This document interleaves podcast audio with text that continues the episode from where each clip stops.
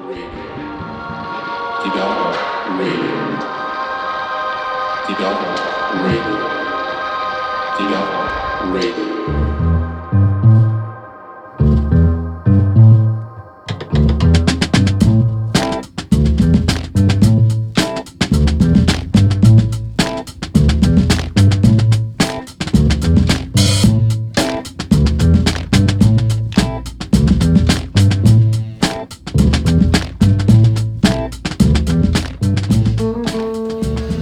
Hea kuulaja, alanud on saade Ära kaaguta. kohal on feministeeriumi toimetajad Aet Kuusik ja Kadi Viik. Ida raadio stuudiost välja vaadates on olemine küllaltki sügisene, sügisega seostub kõik uus, kuigi pole veel septembrikuu, aga alanud on ka meie uus hooaeg. täna räägime saates laias laastus kolmest teemast, presidendivalimistest, transsooliste inimeste õigustest Eesti sootunnustamissüsteemis ja Afganistanis toimuvast.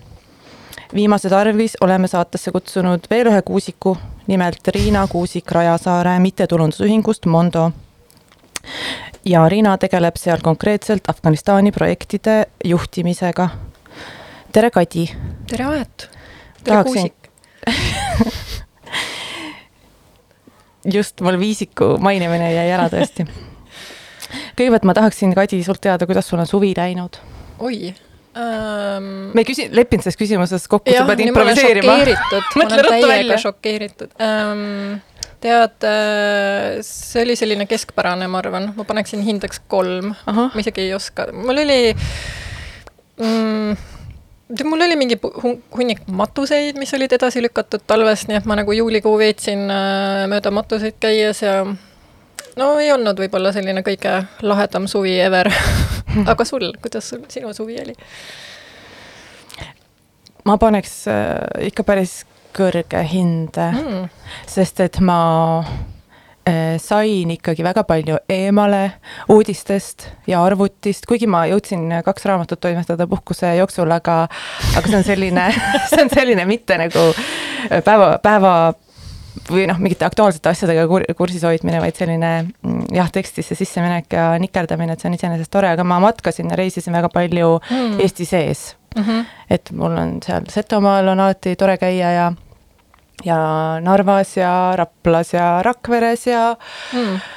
äh, igasugustes äh, kohtades kas need raamatud on mingid äh, feministlikud raamatud? Need on rangelt feministlikud raamatud, üks oli feministliku majanduse raamat, mille autor on Katriine Marssal, keda sa vist ka tead, sest ta on rootslane. sa tunned ma... kõiki rootslasi? jaa, ma tunnen kõiki isiklikult. väga hea. ma olen teda, ta on kolumnist, ma olen teda lugenud, ta on hästi-hästi hea, ta jah. et ta räägib, ma noh, selline, kui keegi ütleb mulle feministlik majandus, siis ma äh, Äh, kipun ikkagi nina kirtsutama, sest äh, ei jaksa enam kuulda seda, kuidas peab olema nagu mees ja ukse lahti lööma mm, ja nõudma. nõudma palka. nõudma palka ja mm -hmm. käituma, äh, ennast nagu üle, üles töötama ja kõigist üle minema ja, ja käituma nii, nagu kõik on nagu, ma ei tea, kapitalismi ajaloos toiminud. et see raamat ei ole üldse see ja see raamat mulle väga meeldib ja ma väga ootan, kuni see, kui see ilmub. ta peaks ilmuma üsna pea mm. -hmm Äh, ja teisena ma toimetasin äh, Bruno Latouri äh, raamatu Poliitikast, kuhu maanduda. ja seda võib-olla otseselt majandus, või selleks feministlikuks teoseks noh, laias laastus ikka, et ta räägib kõige rohkem kliimapoliitikast hästi,, hästi-hästi mm. huvitav. ja selle, see tuleb välja no kuskil oktoobris võib-olla, isegi võib-olla novembris, ma päris kindel ei ole. et minul oli mm -hmm. jah, keeletoimetaja roll nendes raamatutes. Aga head asjad. tore, siis on head kraami tulemas. on head kraami tulemas ja, ja on äh, sellist mõtteainet kindlasti nendelt, nendest raamatutest ma olen ise ammutanud mm. -hmm. aga liigume oma selle esimese teema juurde mm, -hmm. mis on siis presidendi trall mm. -hmm. trall on vist õige sõna et kui eelmistel presidendivalimistel oli justkui liiga palju kandidaate, siis seekord on ju teistmoodi, kandidaate ei ole.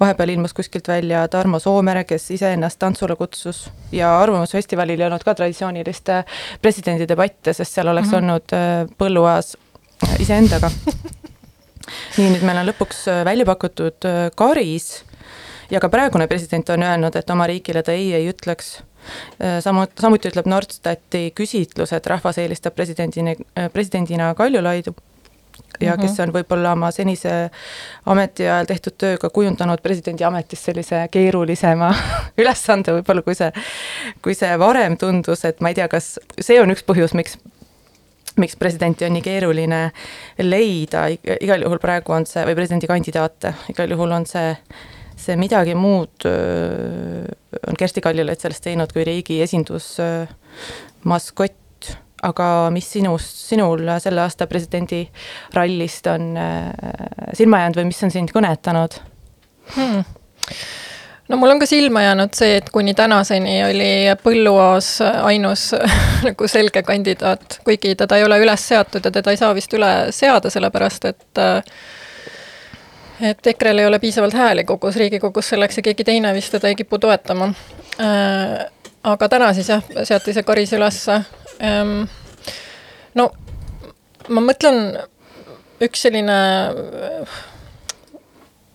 mõte, mis mul on, on see, et vaata eelmine kord kuna need kandidaadid noh, panustasid hästi palju äh,, oli neid debatte ja ringisõitmisi mööda Eestit ja nii edasi ja siis nad kõik nagu põhimõtteliselt äh, kukutati läbi äh, tänu sellisele veidi kummalisele protsessile ja lehmakauplemisele, et siis nagu neid inimesi, kes käe püsti ajaks ja ütleks, et jah, ma olen nõus, et neid vist on nagu päris raske leida nüüd, et sa pead nagu paras selline enesepiinaja olema selleks.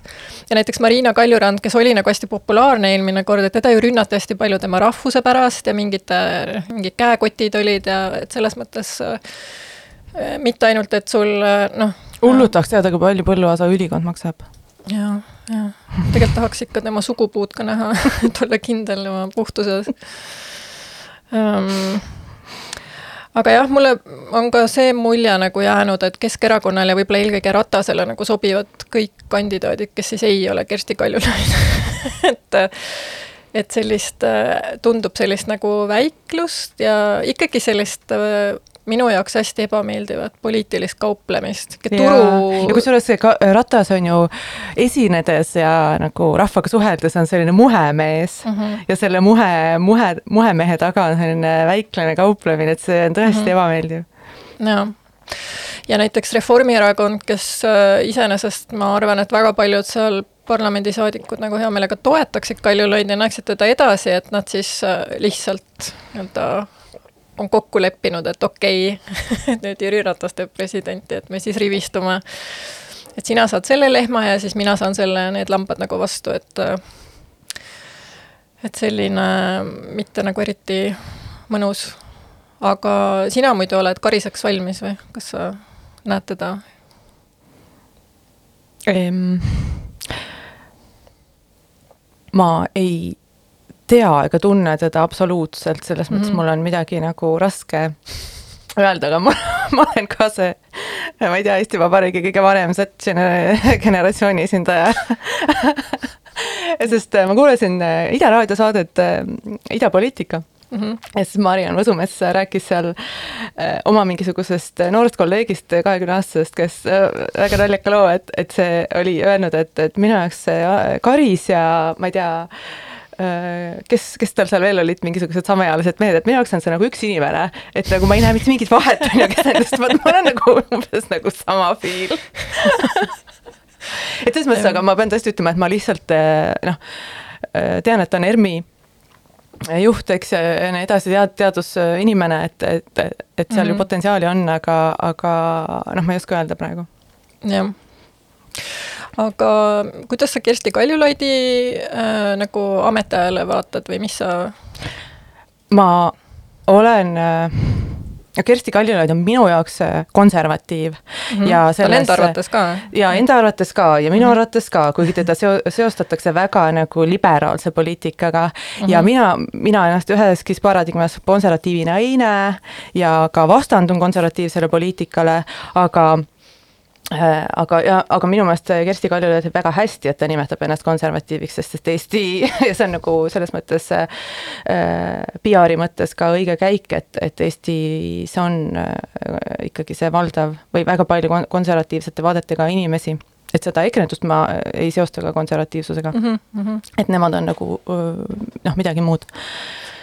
aga äh, Kerst, nendest olemasolevatest mõtetest ja kandidaatidest ma tõesti eelistan Kersti Kaljulaidu sest mm -hmm. et mhm. ta on, ta on hästi selgelt argumenteeriv inimene, ta on hästi silmapaistev president, ta on mm -hmm. toonud väga olulisi äh, valukohti nagu järjepidevalt äh, inimeste tea-, tea-, teadlikkusse ja muidugi on seal noh, mingisuguseid täielikke fopaasid, mis on seotud selle Ojasoo mm -hmm.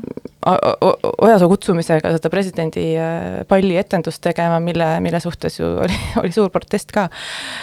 et ma olen sellest kõigest täielikult teadlik ja, ja neid vastuolusi on ja noh, see eelmine presidendi kõne ka, kus ta ütles, et, et saage aru, teise keele rääkijad, me lihtsalt nagu, te peate, te peate siin assimileeruma, et need kõik, noh, need kõik asjad on, on sellised ütleme, kriitikakohad mm, -hmm. aga minu arust on ta selles esindusfunktsioonis on ta ikkagi olnud väga hea mm. -hmm mulle meeldib ka see, et ta on nagu hästi kuidagi kindlakäeliselt kujundanud seda, noh, et ta tõesti ei ole mingi selline mugavus äh, dekoratiivese, vaid et ta on, äh, mul on tunne, et ta läks nagu sellele, siin, sisenes sinna töösse või ülesandesse hästi selge mingisuguse visiooniga, et mida ta tahab teha, milline president olla, mis teemasid tõstatada, mis kanalites neid tõstatada, et see on ja noh, ütleme, et selle EKRE ikke valitsuse ajal oli ju tema see kuidagi see viimane kants nagu, kuhu võis oma lootust nagu riputada, et äh, muidu tundus, et sa hallutsineerid või noh, et sa oled mingis halvas unenäos, et siis äh, said aru, et äh, et jah, riigis on veel mingid, ma ei tea, institutsioonid, mis töötavad või mis ka nagu arvavad, et see, mis toimub, ei ole normaalne. aga see on ikkagi nii huvitav, kuidas meedia kujundab inimeste vaadet kas või mu enda, ma näiteks olin üllatunud, et see, äh, et umbes rahvas selle ühe uuringu järgi nagu eelistab kõige rohkem Kersti Kaljulaidu, sest mingi noh, EKRE poolt ja, ja noh, seesama Jüri mhm. Ratas on ju, et sealt poolt tuleb, mingit tohutut äh, tohutut tööd tehakse, et see mm -hmm. noh, ei oleks nii jah mõtlen ka, mulle pakub õudselt nalja seesama, see konservatiivsuse teema, et äh, ta jah, ta ise peab ka ennast konservatiiviks ja, ja ma mõtlen, et ja ta on ju isamaalane, endine isamaalane, et on ju erakonnaga olnud seotud ja olnud Mart Laari nõunik ja nii edasi, et et pakub palju nalja see, et Isamaa oli nagu jess, me saame oma presidendi siis tuli keegi, kes nagu ei meenuta Reinsalut või Solmanit oma nagu või Isamaad üldse. jah, et ta on nagu väga teist nägu konservatiiv ja ta ei ole nagu jah, võib-olla kui see vene rahvuse teema kõrvale jätta, et siis ta äh, Äh, ma ei teagi, milles see tema konservatiivsus nagu väljendub, et kas see on majanduspoliitika või äh, mingid äh, ma ei tea, no see, et ta põhimõtteliselt ei toeta nagu revolutsioone või kujuta ette, aga et just oma, ütleme, et kui seda konservatiivsust Eestis nagu tänapäeval ma seostan ikkagi väga palju selliste äh, kas siis vähemusgruppide nagu mingi vaenamisega või äh, sellise nagu väiklusega, et siis äh, noh, tema aga tuleta meelde Briti, Suurbritannia president äh, Cameron, kes ütles, et abielu, ma olen, ma olen konservat-, ma toetan gei abielu sellepärast, et ma olen konservatiiv. jaa et Oot, ma arvan, et ta midagi sinna. aga ta oli president, või vabandust, peaminister, mitte jah. ja, jah et selles mõttes sellest konservatiivsusest võiks, selle olemusest mulle tundub, võiks küll Eesti meedias rohkem rääkida. jah, aga isamaalased said ikkagi tünga et ähm, ja ma, ja selles mõttes ka nagu teda, ma noh, mina natuke äh, tean teda ja, või noh, selles mõttes, et äh, olen kokku puutunud vahetult ja ta on, äh, ma saan nagu aru tegelikult, miks ta ei meeldi võib-olla paljudele meespoliitikutele, et kui nüüd mõelda nagu, et meil põhimõtteliselt Riigikogu valib presidenti ja seal on siis mingisugune, ma ei tea, seitsekümmend midagi pluss meest, et väga paljudel on seal probleeme temaga et äh, ta on noh, kõike muud kui selline naeratav, leebe ähm, naine, mingi ütleme, kes siis sellist nagu isamaalist ideaali kuidagi kujundab, et kes on selline nagu taustajõud või selline supiköögis nagu abistab või et ta on nagu hästi jõuline, ta on hästi, ta võtab hästi palju ruumi, ta on nagu selline noh, isiksusena ütleme, domineeriv, et ta on väga terava keele ja ütlemisega, pea lõikab nagu koorelahutaja et ma arvan, et mehed on nagu hirmus kanged lihtsalt, et et ähm, jah, ta on võib-olla jah, seda tüüpi inimene, kes kuidagi nagu olles kuskil seal Euroopas kontrollkojas nagu mõjus neile ähm, nagu sümpaatsemalt kui see, kui nad nüüd päriselus peavad temaga kokku puutuma, et ta, ma arvan, ikka paneb inimesi paika, nii et vähe ei ole, kui keegi tuleb mingit lolli juttu rääkima. jah. kas äh, aa, ma tegelikult olen ka selle peale mõelnud, et nüüd on ju jälle taas tõusetunud see presidendi otsevalimiste teema kas sinul on mingi arvamus selle kohta, et kas asi oleks, läheks paremini, kui äh, Riigikogu ei tegeleks selle küsimusega? ei, noh, ei Mhm. ma nagu ei näe seda äh, võimalust äh, just selle, just sellepärast, kes president on, ma mõtlen mitte isikuna, vaid, äh, vaid see institutsioon, mis asi ta on, kas ta saab, kui teda valitakse nagu inimesed, meie on ju, valiksime teda, siis ta peab mm -hmm. ju meile midagi lubama, aga kuidas ta kuidas ta, noh, see, see mehhanism nagu, mis on antud praegu presidendi institutsioon, institutsioonile nagu üldse ei eelda sellist tüüpi, sellist tüüpi Äh, valimist, sest et äh, et kui ta, kui ta on nagu rohkem selline esindusisik, kes, kelle noh, kes, kes esindab Eestit, on ju äh, mingite välisinstitutsioonide ja välisriikide ees ja tema üks funktsioon on ka siis kontrollida seda, kui ta, et seadused oleksid, on ju, põhiseadusega kooskõlas ja siis just seda ka, seda riigi institutsioonide ja rahva vahelist nagu dialoogi, ma ei tea, vahendada ja pidada ja suunata, milles on ju Kersti Kaljulaid on väga hea olnud, et siis seal noh, selleks peab seda seadustikku ikkagi muutma, et praeguses korras küll ju see noh, ei toimiks lihtsalt niimoodi, ta läheks hullemaks ainult mm. -hmm. jah, ma ei. või võib-olla ei peaks üldse nagu, võib-olla tõesti ei peaks üldse nagu väga palju muretsema selle pärast, et, et kuidas see mm, presidendivalimiste, presidendivalimised seekord on läinud, et võib-olla on okei okay,, kui ta läheb sinna valimisse kogusse, kui see mehhanism mm -hmm. on sellisena nagu töö, noh, välja töötatud, et ta võib sinna minna, siis nagu miks ta ei peaks sinna minema? ma lihtsalt mõtlen, et kui äh, nagu tema on praegu küsitluste järgi kõige populaarsem, et siis kui oleks otsevalimine, et siis oleks võib-olla ka realistlik šanss, et ta võidaks mm. -hmm. või mhm. näiteks Marina Kaljurand, kes oli väga populaarne, et äh, praegu tundub, et kui oleks nagu otsevalimine, et siis oleks suurem tõenäosus saada naine. ja kui Riigikogu valib ja teeb seda nagu osaks oma sellistest diilitamisest, et siis on see tõenäosus väiksem. Äh, aga jah, ma ise ka ei tea, mida ma sellest otsevalimisest arvan, et äh, mul on nagu võib-olla kõige suurem hirm see, et kui need valimist ähm, valimisi tuleb juurde, et siis ma oleks nagu kakskümmend neli seitse mingis valimistsüklis ja kannataks. Et nagu mingit sellist pikema perspektiiviga poliitikat oleks võimatu teha aga noh, samas kui panna kokku, ma ei tea, kohaliku omavalitsuse valimised ja Riigikogu valimised ei pea ju eri, eraldi päevadel olema tegelikult, et siis võib-olla oleks see nagu ohjatav, aga jah, muidu. no aga just see küsimus, et kuidas president saab oma valimislubadusi anda, kui tal pole mehhanismi, et neid täita mm. -hmm. sest see peaks, see süsteem peaks olema, no riik peaks olema nagu presidentaalsem mm. -hmm. jah, Eestis on jah, selline kuidagi poolpehmese institutsioon aga on hulle, noh, võib ka, võiks niisugune monarhia olla näiteks, ma ei tea naaberriigi Rootsi peale, siis seal on presidendil tõesti nagu oluliselt veel väiksem roll mm. et siis on nagu jagatud selle monarhia ja presidendi vahel ei, seal ei olegi presidenti, seal on äh, selles mõttes äh, täitevvõimul on, noh, valitsusel on ikka mm -hmm. nagu kogu võim ja president on põhimõtteliselt see turismi edendamise mm -hmm. objekt ja Aga... president, kuningas, kuningapere mm, -hmm. jah. Ja kuningas on selline, ütleme, tal on mingi formaalne välispoliitil-, poliitika nõukogu juhtimise roll, aga üldiselt ta ei sekku sisusse, sest need vähesed korrad, kui ta seda on teinud, et siis ta on äh, tavaliselt nagu väga suure jama põhjustanud, et kui ta kritiseeris mingit hülgeküttimist Norras väga õigesti minu arvates, et see on barbaarne siis äh, ikkagi hea naaberriigi Norraga läksid suhted väga hapuks. Kas äh, mängime ühe presidendi loo selle peale no, või? või tahad sa veel midagi? ei, mängime loo. mängime loo äh,, selle olen valinud mina, see on Pat Kalla Le Super Mojo ja President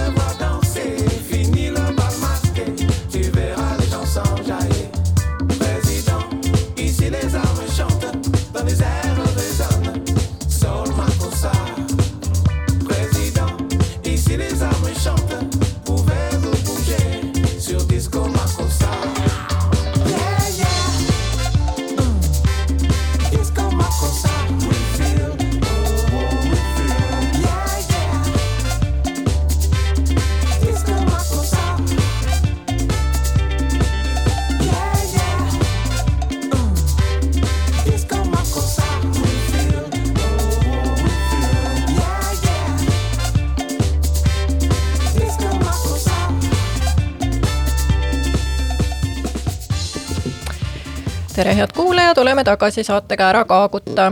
eetris on Aet Kuusik ja Kadi Viik.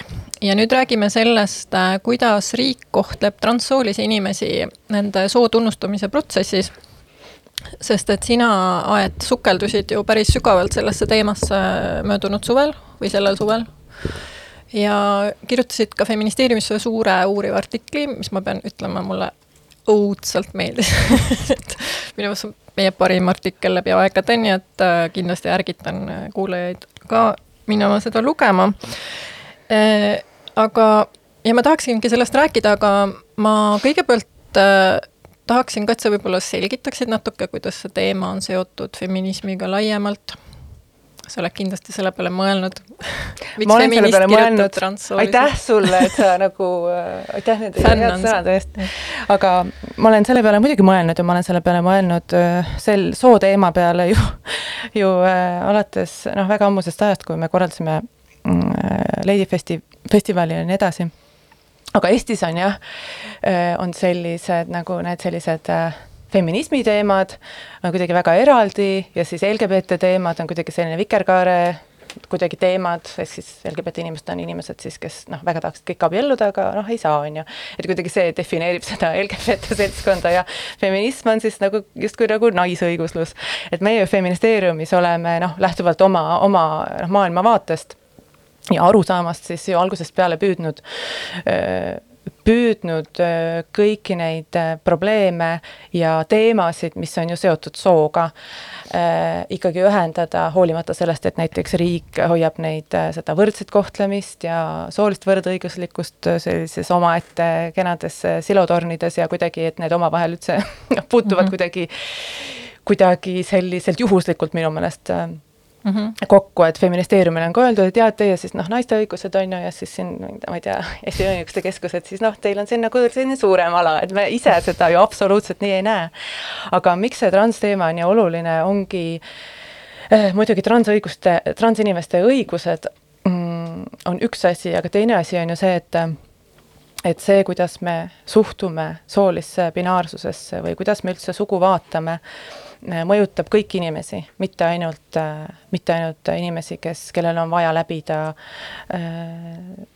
noh, soo tunnustamise protsess või, või see, see nii-öelda heteronormatiivsus ja cis-normatiivsus, ehk siis selline arusaam, et sood on rangelt jaotatud kaheks äh,, nii bioloogiliselt kui ka sotsiaalselt, ja need, need, nad on nagu vast-, vastand, nad on vastandlikus opositsioonis ja ühed täidavad yin ja yang, just nimelt, poolused, sugupooled on kaks poolt, rohkem sinna ei mahu. Nad nagu täiendavad teineteist. Nad täiendavad teineteist, üks on ühtemoodi teine on teistmoodi uh -huh. ja kui äh, see äh, nii-öelda cis-normatiivsus ütleb seda, et kui sa seda, see on ühiskonda nagu igal, igal tasandil läbiv joon, ka institutsioonides, ütleb seda uh, -huh. et kui sa äh, rikud neid piire, näiteks oled äh, kas või ma ei tea, maskuliinne naine siis sa saad karistada, sa, su, sinu kohta kas öeldakse midagi või ei peeta ilusaks või mm, -hmm. või äh, ma ei tea, kiusatakse. Äh,, sinu kohta käivad mingid eelarvamused, et, et see on, see selles mõttes on palju-palju laiem teema kui ainult äh,, ainult noh, trans, transinimeste õigused. Aga mina jah, keskendusin, keskendusin sellele teemale, et kuidas siis see äh, soo tunnustamise protsess Eestis äh, välja näeb, ehk siis see on see, kui inimene äh, tahab ametlikuks teha selle, et ta äh, identiteet on teine, kui talle sünnil määrati. siis ta peab mm -hmm. läbi, läbima äh,, läbima teatud protsessi, käima tegema kõigepealt avalduse, siis käima äh,, Eestis, Eestis on selline arstlik komisjon, minema sinna arstliku komisjoni ette ja siis rääkima, kes sa siis oled. arstlik komisjon annab sellele hinnangu, et kas sa siis oled see, kes sa oled või sa ei ole see, kes sa oled mm. -hmm. Arstlik komisjon äh, nagu jah, ja arstlik, selles, selleks, et seda komisjoni nagu läbida ja saada oma sugu tunnustatud, selleks määratakse siis inimesele haigus, vaimne häire see on, see tuleb rahvusvahelisest äh, haiguste klassifikatsioonist, et seda ei ole Eesti riik välja mõelnud aga põhimõtteliselt seal, et sa oled nagu kõikides registrites määratud kui nagu häirega inimene. et juba see on selline cisfoobiline noh, akt, on ju mm, -hmm. et, et, et, et feminism ju laiemalt seisab mm, ikkagi selle enesemääramise eest, et sa ise noh, sõltumata sellest, on ju,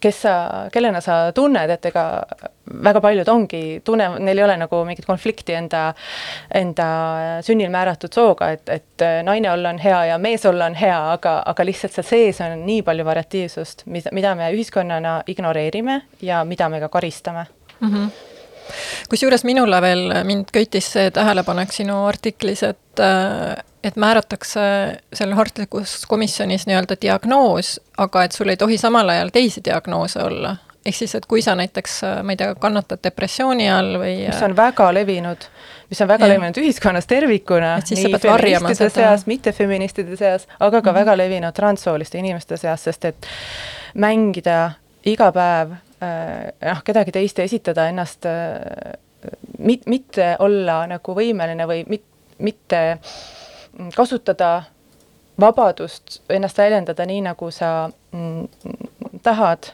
äh, tekitab seda, sest see on nagu mhm. selline pidev allasurutuse sund ja see tekitab depressiooni, see tekitab nagu suuri traumasid kas, ma tean, et sa rääkisid äh, mitme inimesega, kes on selle soo tunnustamise protsessi nagu läbinud, et vist minevikus või ma ei tea, kas mõnel oli see pooleli, aga et kuidas nemad, mis hinda nemad sellele paneksid siis? ühest viieni ühest viieni on hea skaala kusjuures, aga äh, tead, arvamusi oli erinevaid, osad olid, ja see, see halva, arvamused ka sõltuvad võib-olla teadlikkusest, aga väga paljud öö, äh, osa inimeste jaoks oli see oot-, hästi pikad on ootamise ajad, et sa nagu annad selle, noh, see on sinu jaoks mingil eri, eluperioodil nagu kõige olulisem asi, on ju Äh, saada need, äh, need soo, äh, oma sugu tunnustatud, nii-öelda paberid vahetatud, dokumendid vahetatud ja see, need meditsiiniteenused on ju endale. et ja noh, kui sellest ajast, kui sa nagu lähed sinna komisjoni ja, ja siis taotled seda, noh, need ooteajad on hästi-hästi pikad ja juba see on nagu hästi-hästi äh, ütleme, probleemne, aga noh, inimeste kannatlikkus on erinev ja, ja võib-olla Eesti seda äh, igasuguseid ravijärjekordi vaadates inimesed võtavad seda nagu normaalsena või mm -hmm. sellise harilikuna, et mit-, mida, mitte millegina, mida, mille üle nagu, mida kritiseerida, aga lihtsalt sealt äh, palju oli ka sellist väga jah, sellist äh, noh, ikkagi selle selle protsessi tagajärjel ikkagi sellist traumakogemust mm.. juba see, juba see akt ise, et ma lähen kellele, esitan, esitlen ennast kellelegi, et ma nüüd olen see, kes ma olen, palun tunnustage seda. et juba mhm. see akt ise on selline, selline ebameeldiv ja ütleme, sinu kõige sinu identiteeti ja kõige nagu olulisemaid asju, olu, olulisemaid mõtteid ja tundeid nagu tunnetesse nagu sisenev ja, ja noh, kui sa veel seal saad mingisuguseid kommentaare näiteks, et sa, ma ei tea, ei vasta päriselt nagu soo ootusele, selle, sellesamale soonormidele, mida, millest me on ju enne rääkisime, et mehelik mees ja naiselik naine ja ja kuidas saab olla üldse mingi naine, kellel on, ma ei tea, jalanumber üle mingi neljakümne ühe või või et käivad siin igasugused äh, noh, nüüd artiklis on kirjas ka, et siin käivad igasugused äh, ma ei tea, narkomaanid ja äh, pedofiilid, et normaalsed inimesed nagu üldse ei käi ja transseksuaalid ja kus need normaalsed inimesed siis on, et et, et see, et see, selle noh, see hinne, mm, ma ei oska öelda, mida, mida need seitse intervjueeritavat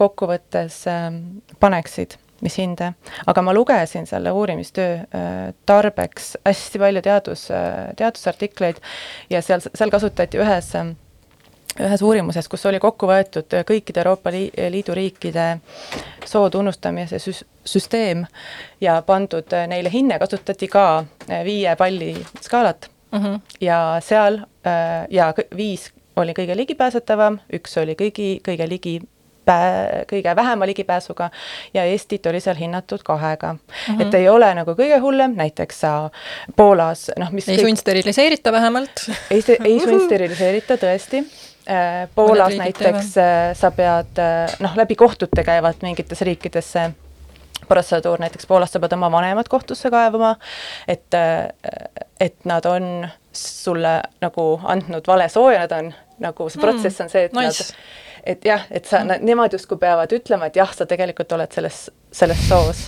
ja noh, see, et Eestis ju selliseid asju ei ole, aga Eestis on hästi pikad ootajad, Eestis on see just see äh, nii-öelda see äh, see vaimse häire nii-öelda nõue, mis, mis inimene peab saama. ja on äh, selle kvaliteedis, kuna see, see, see seda protsessi on kõik need aastad, kakskümmend aastat on ju teinud üks inimene, mitte enam, on ju, Imre mm -hmm. Rammul. et, äh, et ähm, ja tema suhtumises ei ole nende kahekümne aasta jooksul võib-olla suurt muudatust toimunud, et seda on noh, väga kritiseeritud, selle tase, selle kvaliteeti, nii-öelda selle teenuse kvaliteeti. Ja üks, üks asi, mida seal hinnati, oli, kui palju see maksab. et need võib-olla need summad kokkuvõttes ei ole nii suured, kui välja jätta äh, igasugused äh, ma ei tea, kirurgilised sekkumised, sest need on tõesti väga kallid ja neid Eestis nagu noh, need, need on kõik nagu äh, enda taskust. Mm.. aga kui hakata vaatama need dokumentide muutmine ja need vastuvõtud seal, seal äh, meditsiinikomisjonis, mis olid kõik tasulised, need ei olnud Haigekassast äh,, kassast nagu tasutud, et siis see et inimene see... ise maksis Imre Rammuli tööd jaa, jaa. okei. aga Imre Rammul teisest küljest ise esitab seda, esitas seda, et nemad tegid nagu sellist ütleme, aktivismi või mm, -hmm. või niisugust vabatahtlikku tööd. võib-olla et... nad kunagi tegid mingis mõttes. jah, võib-olla tõesti mm. -hmm. ja noh, ja, ja veel see noh, regulatsioon äh, nagu riiklik regulatsioon, ehk siis seadused, et seda valdkonda reguleerib üks äh, õigusakt, määrus, see on kakskümmend aastat vana, võib-olla nüüd juba kakskümmend üks, et sellest iseenesest ei ole sellest midagi halba, et ta nii vana on, aga lihtsalt on ajale, ajale hästi jalgu jäänud. ja kolmandaks äh, noh, mitte mingit soolist variatiivsust mm -hmm. peale selle hästi meeldiv mees hästi naislik naine, noh, nagu seal ei eksisteeri. Mm.. et igasuguseid selliseid äh, selliseid aspekte tuli seal välja aga jaa, seda kõike saab sealt artiklist lugeda. jaa, ma tõesti soovitan seda, sest ta annab väga sellist äh, tummist äh, informatsiooni ja ta annab minu meelest ka niisugust head nagu tunnetust, et mida need äh, inimesed ikkagi kogevad või äh, kuidas nad seda tajuvad, seda suhtumist ja seda äh, vintsutamist. aga milline, ma tahtsin veel seda küsida, et äh, milline võiks siis nagu üks hea süsteem olla, et kui sa nüüd võiksid nagu äh, soovitusi anda Eesti riigile, et mis, milline oleks üks hea soo tunnustamise no seda artiklit kommenteeris ka Sotsiaalministeeriumi tervishoiuvõrgu juht, kes ütles, et muudatusi, muudatused on tulemas ja esiteks on juba see komisjon, mida minu artikkel väga kritiseeris, on selle oma töö lõpetanud omal algatusel, mitte tänu minu minu artiklile. aga nad noh, kuna nad olid nii kaua, seesama punt äh, oli ka, on kõik need kakskümmend aastat seda teinud, täpselt samad inimesed.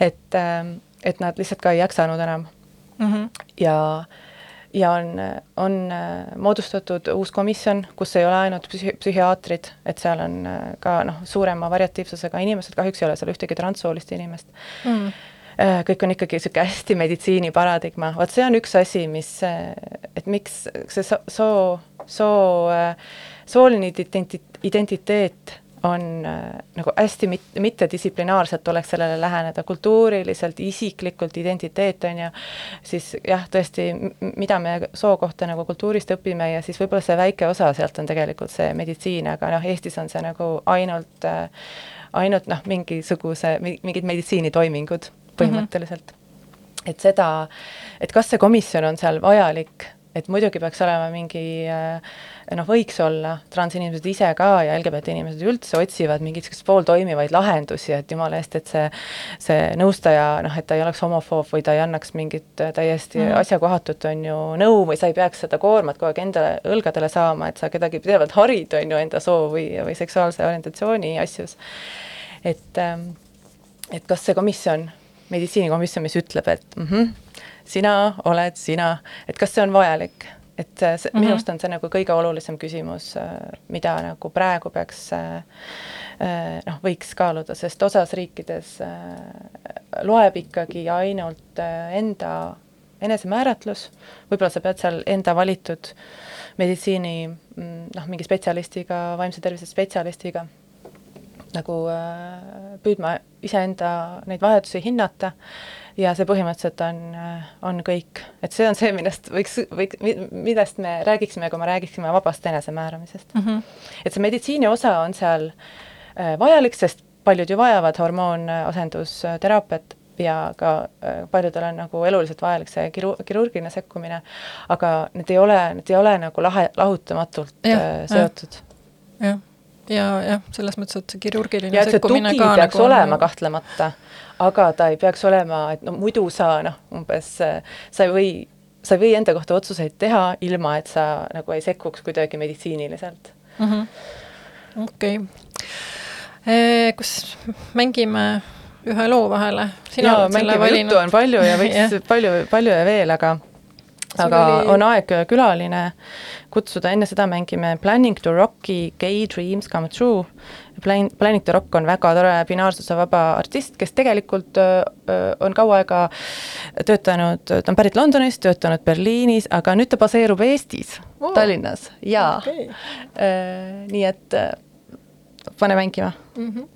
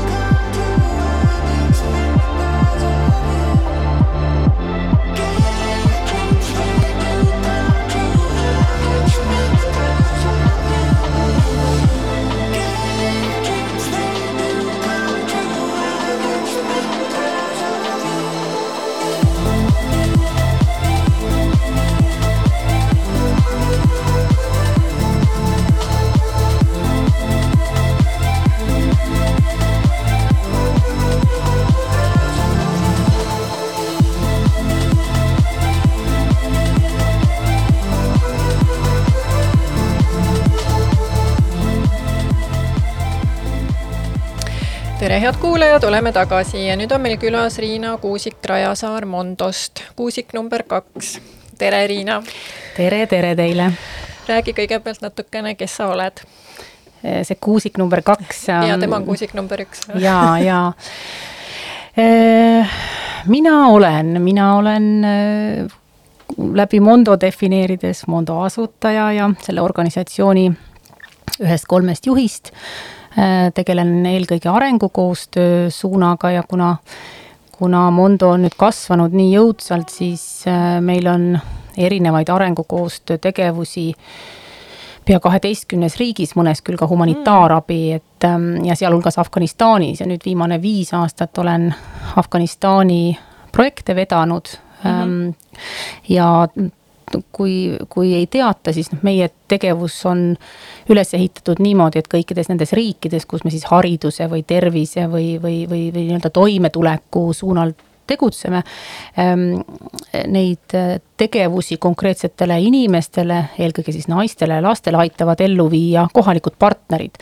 nii et me tegelikult alles nüüd sellel aastal avasime esmakordselt oma kontori Ugandas, et olla natukene lähemal seal Ida-Aafrika tegevustele ja eelkõige sellistele äh, digiharidusprogrammidele, aga et siiamaani jah, siin Eestis teeme siis sellist teavitust ja maailmahariduse teemat teeme hästi palju koostööd koolidega ja siis erinevas kaheteistkümnes riigis eelkõige naiste-laste hariduse ja toimetulekuprogrammidega tegeleme. mida te Afganistanis olete teinud, mis teemad või valdkonnad?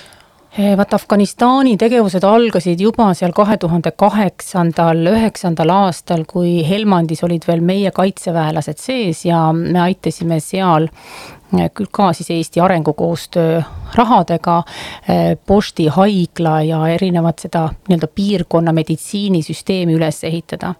aga päris kiiresti siis sealt saime selgeks, et noh, meil nii-öelda tsiviilorganisatsioonina või mittetulundusorganisatsioonil oli hirmus raske jõuda Äh, ikkagi tsiviilelanikkonnani. Ja seetõttu siis alustasime koostöö leidmist erinevate kohalike organisatsioonidega, kes tegelesidki siis Ida-Afganistanis, Nangarhari provintsis ühe tüdrukute kooli ülesehitamisega ja sisuliselt nüüd me oleme kaheksandat, üheksandat aastast, aastat toetame tüdrukute kooli, et tüdrukud saaksid hästi konservatiivses Pashtuni alal haridust. Ja põhjapiirkondades ehitasime üles siis ja vastavalt sellele vajadusele, mis sealt meile siis tuli, et ähm, paljud maapiirkondade naised reaalselt ei saa mingisugustki sünnitusabi. et hästi konservatiivses ühiskonnas, esiteks nad ei saa üldse sellist terviseabi, et nad, äh, kuna, kuna äh, seal meesarstid üldse naisi ravida ei tohi ja, ja sünnitusele ei ole võimalik juurde äh, saada ühtegi ämmaemandat, sest neid on hirmus, hirmus vähe, nii et koos rootslastega ja rootslased on juba ka kauemat aega, mõned teised Põhja,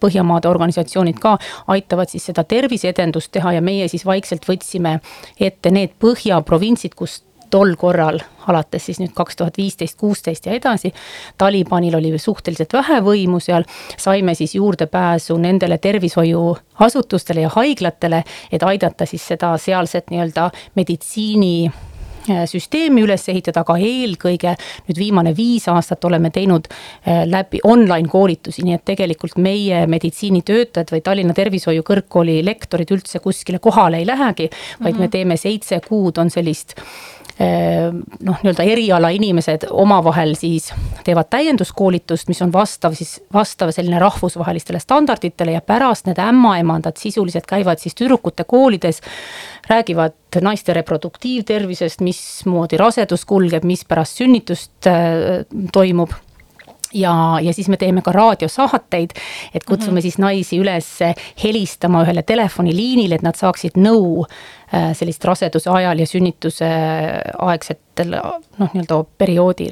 nii et sellist hästi äh, selline teoreetiline või mitte teoreetiline, vaid täienduskoolitus kohalikele ämmaemandatele ja siis nende kaudu me püüame jõuda ja olemegi jõudnud siis tüdrukute ja, ja, ja, ja naisteni hästi kaugetes maapiirkondades mm. -hmm ma pean nüüd küsima, et mis tunnetega teie olete jälginud seda, mis seal praegu toimub? no mis praegu viimane kaks nädalat toimub, on, on täiesti košmaarne, sest et me oleme mm. nüüd äh, jõudnud, jõudnud äh, pärast äh, neljateistkümnendal, viieteistkümnendal augustil esitatud abipalveid, noh, nii-öelda kaitsepalveid, äh, inimeste evakuatsiooniprotsessis nüüd äh, kaasas olla.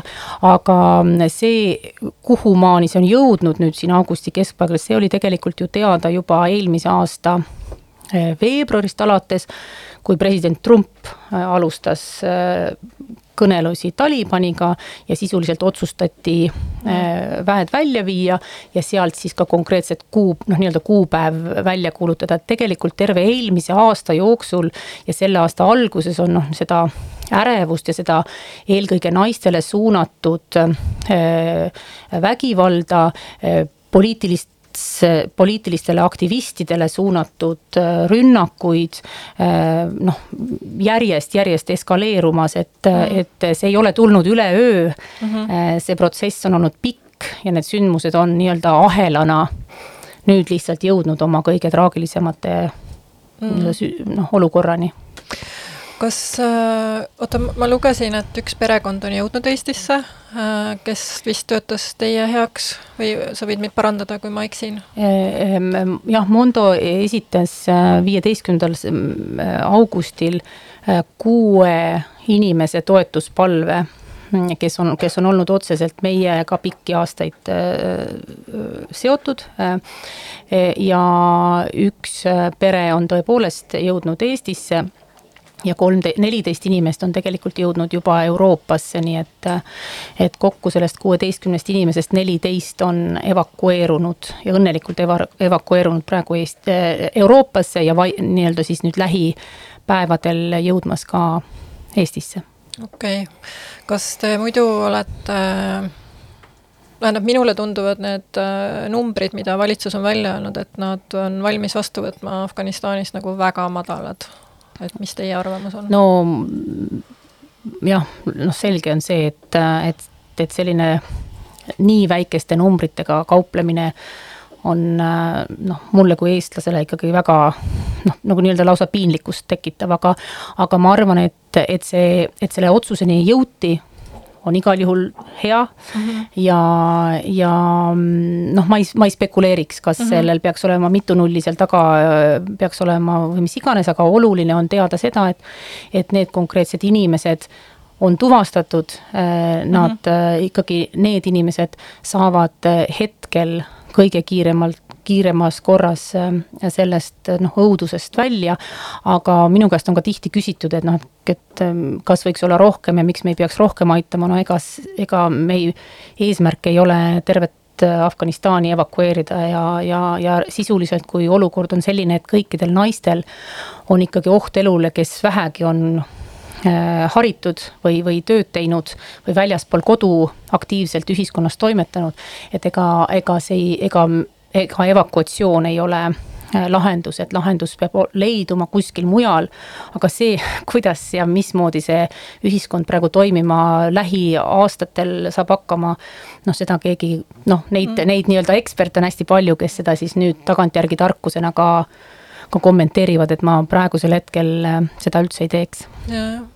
kas muidu mis nagu seisus teie olete, et te, mida te oma, ma mõtlen teie projektid, mis nüüd katkevad ilmselt, äh, mis, äh, mida te plaanite teha Mondo raames? no puht turvalisuse seisukohast juba üheksandal augustil oligi meil viimane Faisabadi linnas viimase koolitustsükli lõputseremoonia ja järgmisel mm. hommikul oli see linn äh, Talibani äh, poolt vallutatud ja neljateistkümnendal augustil, kui veel laupäeva õhtul ma rääkisin partneritega ja kooli direktoriga, kuidas tüdrukute kool toimetab, siis järgmisel hommikul oli Jalalabad võetud ja nemad olid pagenud Kabuli.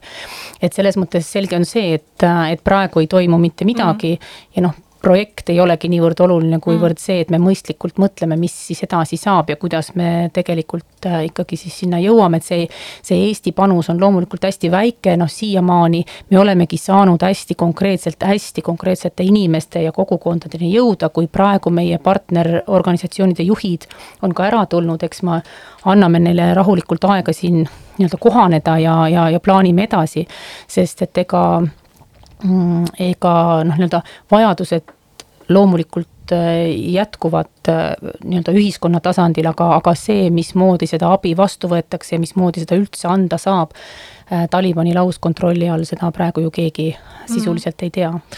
see tegelikult ongi mu võib-olla viimane küsimus, et kui inimene, noh, eestlased tahavad aidata et kas on midagi, mida nad teha saavad praegu ja no esiteks äh, jah, jah, et esiteks ma ütlen, et mul on tulnud hästi palju, meil on tulnud hästi palju selliseid toetavaid äh, kirju ja, ja, ja just nagu abi, abi pakkumist, et et eks see soov aidata ongi vajalik rahulikult läbi mõelda, et need konkreetsed inimesed äh, ja tegelikult jätkuvalt need ähm, inimesed, kes meil, meil siin Eestis varjupaika saavad, et nendega ju tegelevad vastavad ametkonnad Eestis ja mm, -hmm. ja mhm. ka Eesti pagulasabi, et noh, me, Mondo äh, väga tihedalt teeb ka praegu koostööd Eesti pagulasabiga, kes just neid inimesi siis hakkab siia mm, nii-öelda koha, no nii-öelda aitab neil kohaneda.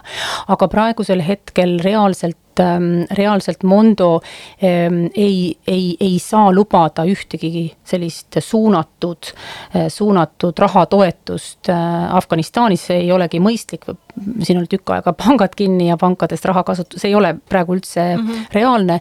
Äh, ma võtaksin mõned nädalad aega, et rahulikult see ja, ja, ja selgelt see läbi, läbi mõelda.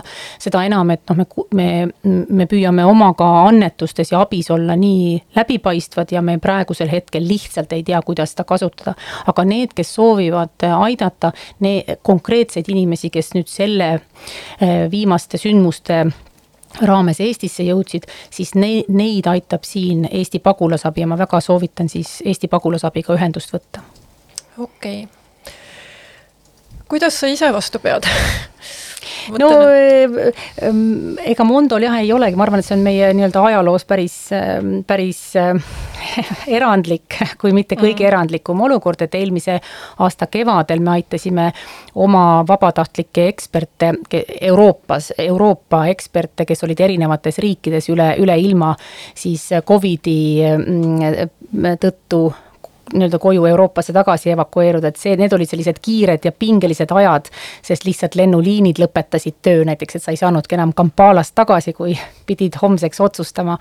aga selliseid jah, nii akuutseid või kriitilisi olukordi ei ole meil olnud e,, ikka see nii humanitaarabi kui arengukoostöö valdkonnas tekib igasuguseid pingelisi olukordasid nii või teisiti, ka, ka ohtu elule, aga et, et sellist äh, akuutset äh, seisu jah, pole varem läbi elanud ja eks ma natuke mm. väsima hakkan, aga aga, aga noh, mis loeb meie väsimus, kui me tegelikult oleme suutnud eh, inimeste elusid päästa ja ja, ja, ja, ja ma arvan, et see praegusel hetkel on kõige olulisem ja lihtsalt ka tunda eh, solidaarsust nende inimeste suhtes, kes ikkagi hirmsasti kannatavad mm. praeguses olukorras Äh, me mängime ka sooviloo, äh, sa valisid äh, Davot Sarkoši Zarzamine maan räägi natukene, miks sa selle valisid? ja noh, see ei ole minu nii-öelda üleüldine lemmik, vaid Sarzamine maan tähendab farsi keeles minu kodumaad mm. -hmm. ja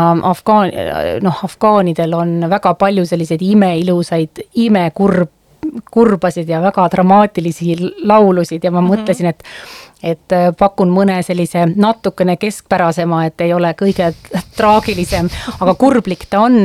Ja äh, see laulja on äh, tuntud, ta on Hazara etnilise taustaga mm. -hmm. ja, ja ta on hästi-hästi nii-öelda kuulus, äh, kuulus, aga siin noh, nii-öelda praegune meedia on täis ka igasuguseid lauljatare, afgaani lauljatare, kes ühel või teisel moel on ka siin Euroopas äh, kuulsad, et ma mõtlesin, et, et valin lihtsalt kedagi sellist, kes meile nii-öelda väga tihti ette ei satu, aga Sarsa Mineman, seda laulu lauldakse, laulavad ka iraanlased mm. -hmm. nii et ta on, ta on nii-öelda selles piirkonnas laialt tuntud äh, meloodia. okei okay äh, aitäh sulle, enne kui ma selle loo mängin, et siis meil oleks mõned korralduslikud teadaanded äh, ette lugeda, nii et äh, annan nüüd mikrofoni üle Aet Kuusikule. ja Aet Kuusik loeb ette korralduslikud teadaanded, mille on kokku pannud Nele Laos. Valgevene kaudu on Leetu jõudnud üle nelja tuhande varjupaiga taotleja ja Feministeerium Äh, kogub annetusi koostöös äh, Leedu äh, Punase Risti ja Pagulasabiga, et ähm, naistele ja tüdrukutele mm, osta menstruatsiooni vahe, vahendeid, et palun otsige meie Facebookist, kuidas seda annetust teha. ja teine teadaanne on see, et ootame teid külla oma kontorisse ja raamatukokku, oleme avatud üle nädala teisipäeviti vahemikus kell kuusteist kuni üheksateist ja täpsed lahtioleku kuupäevad on samuti Facebookis ürituses avatud kogukonnaruum.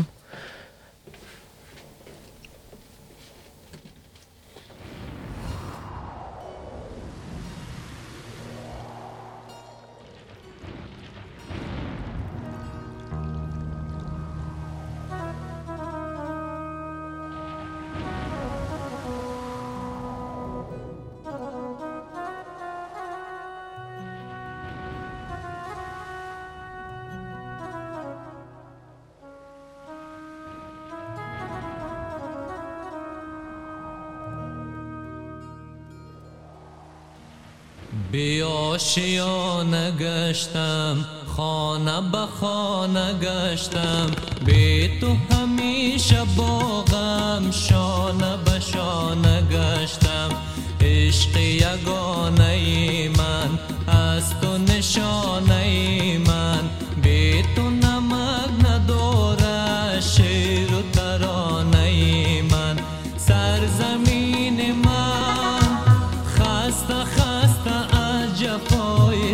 examine my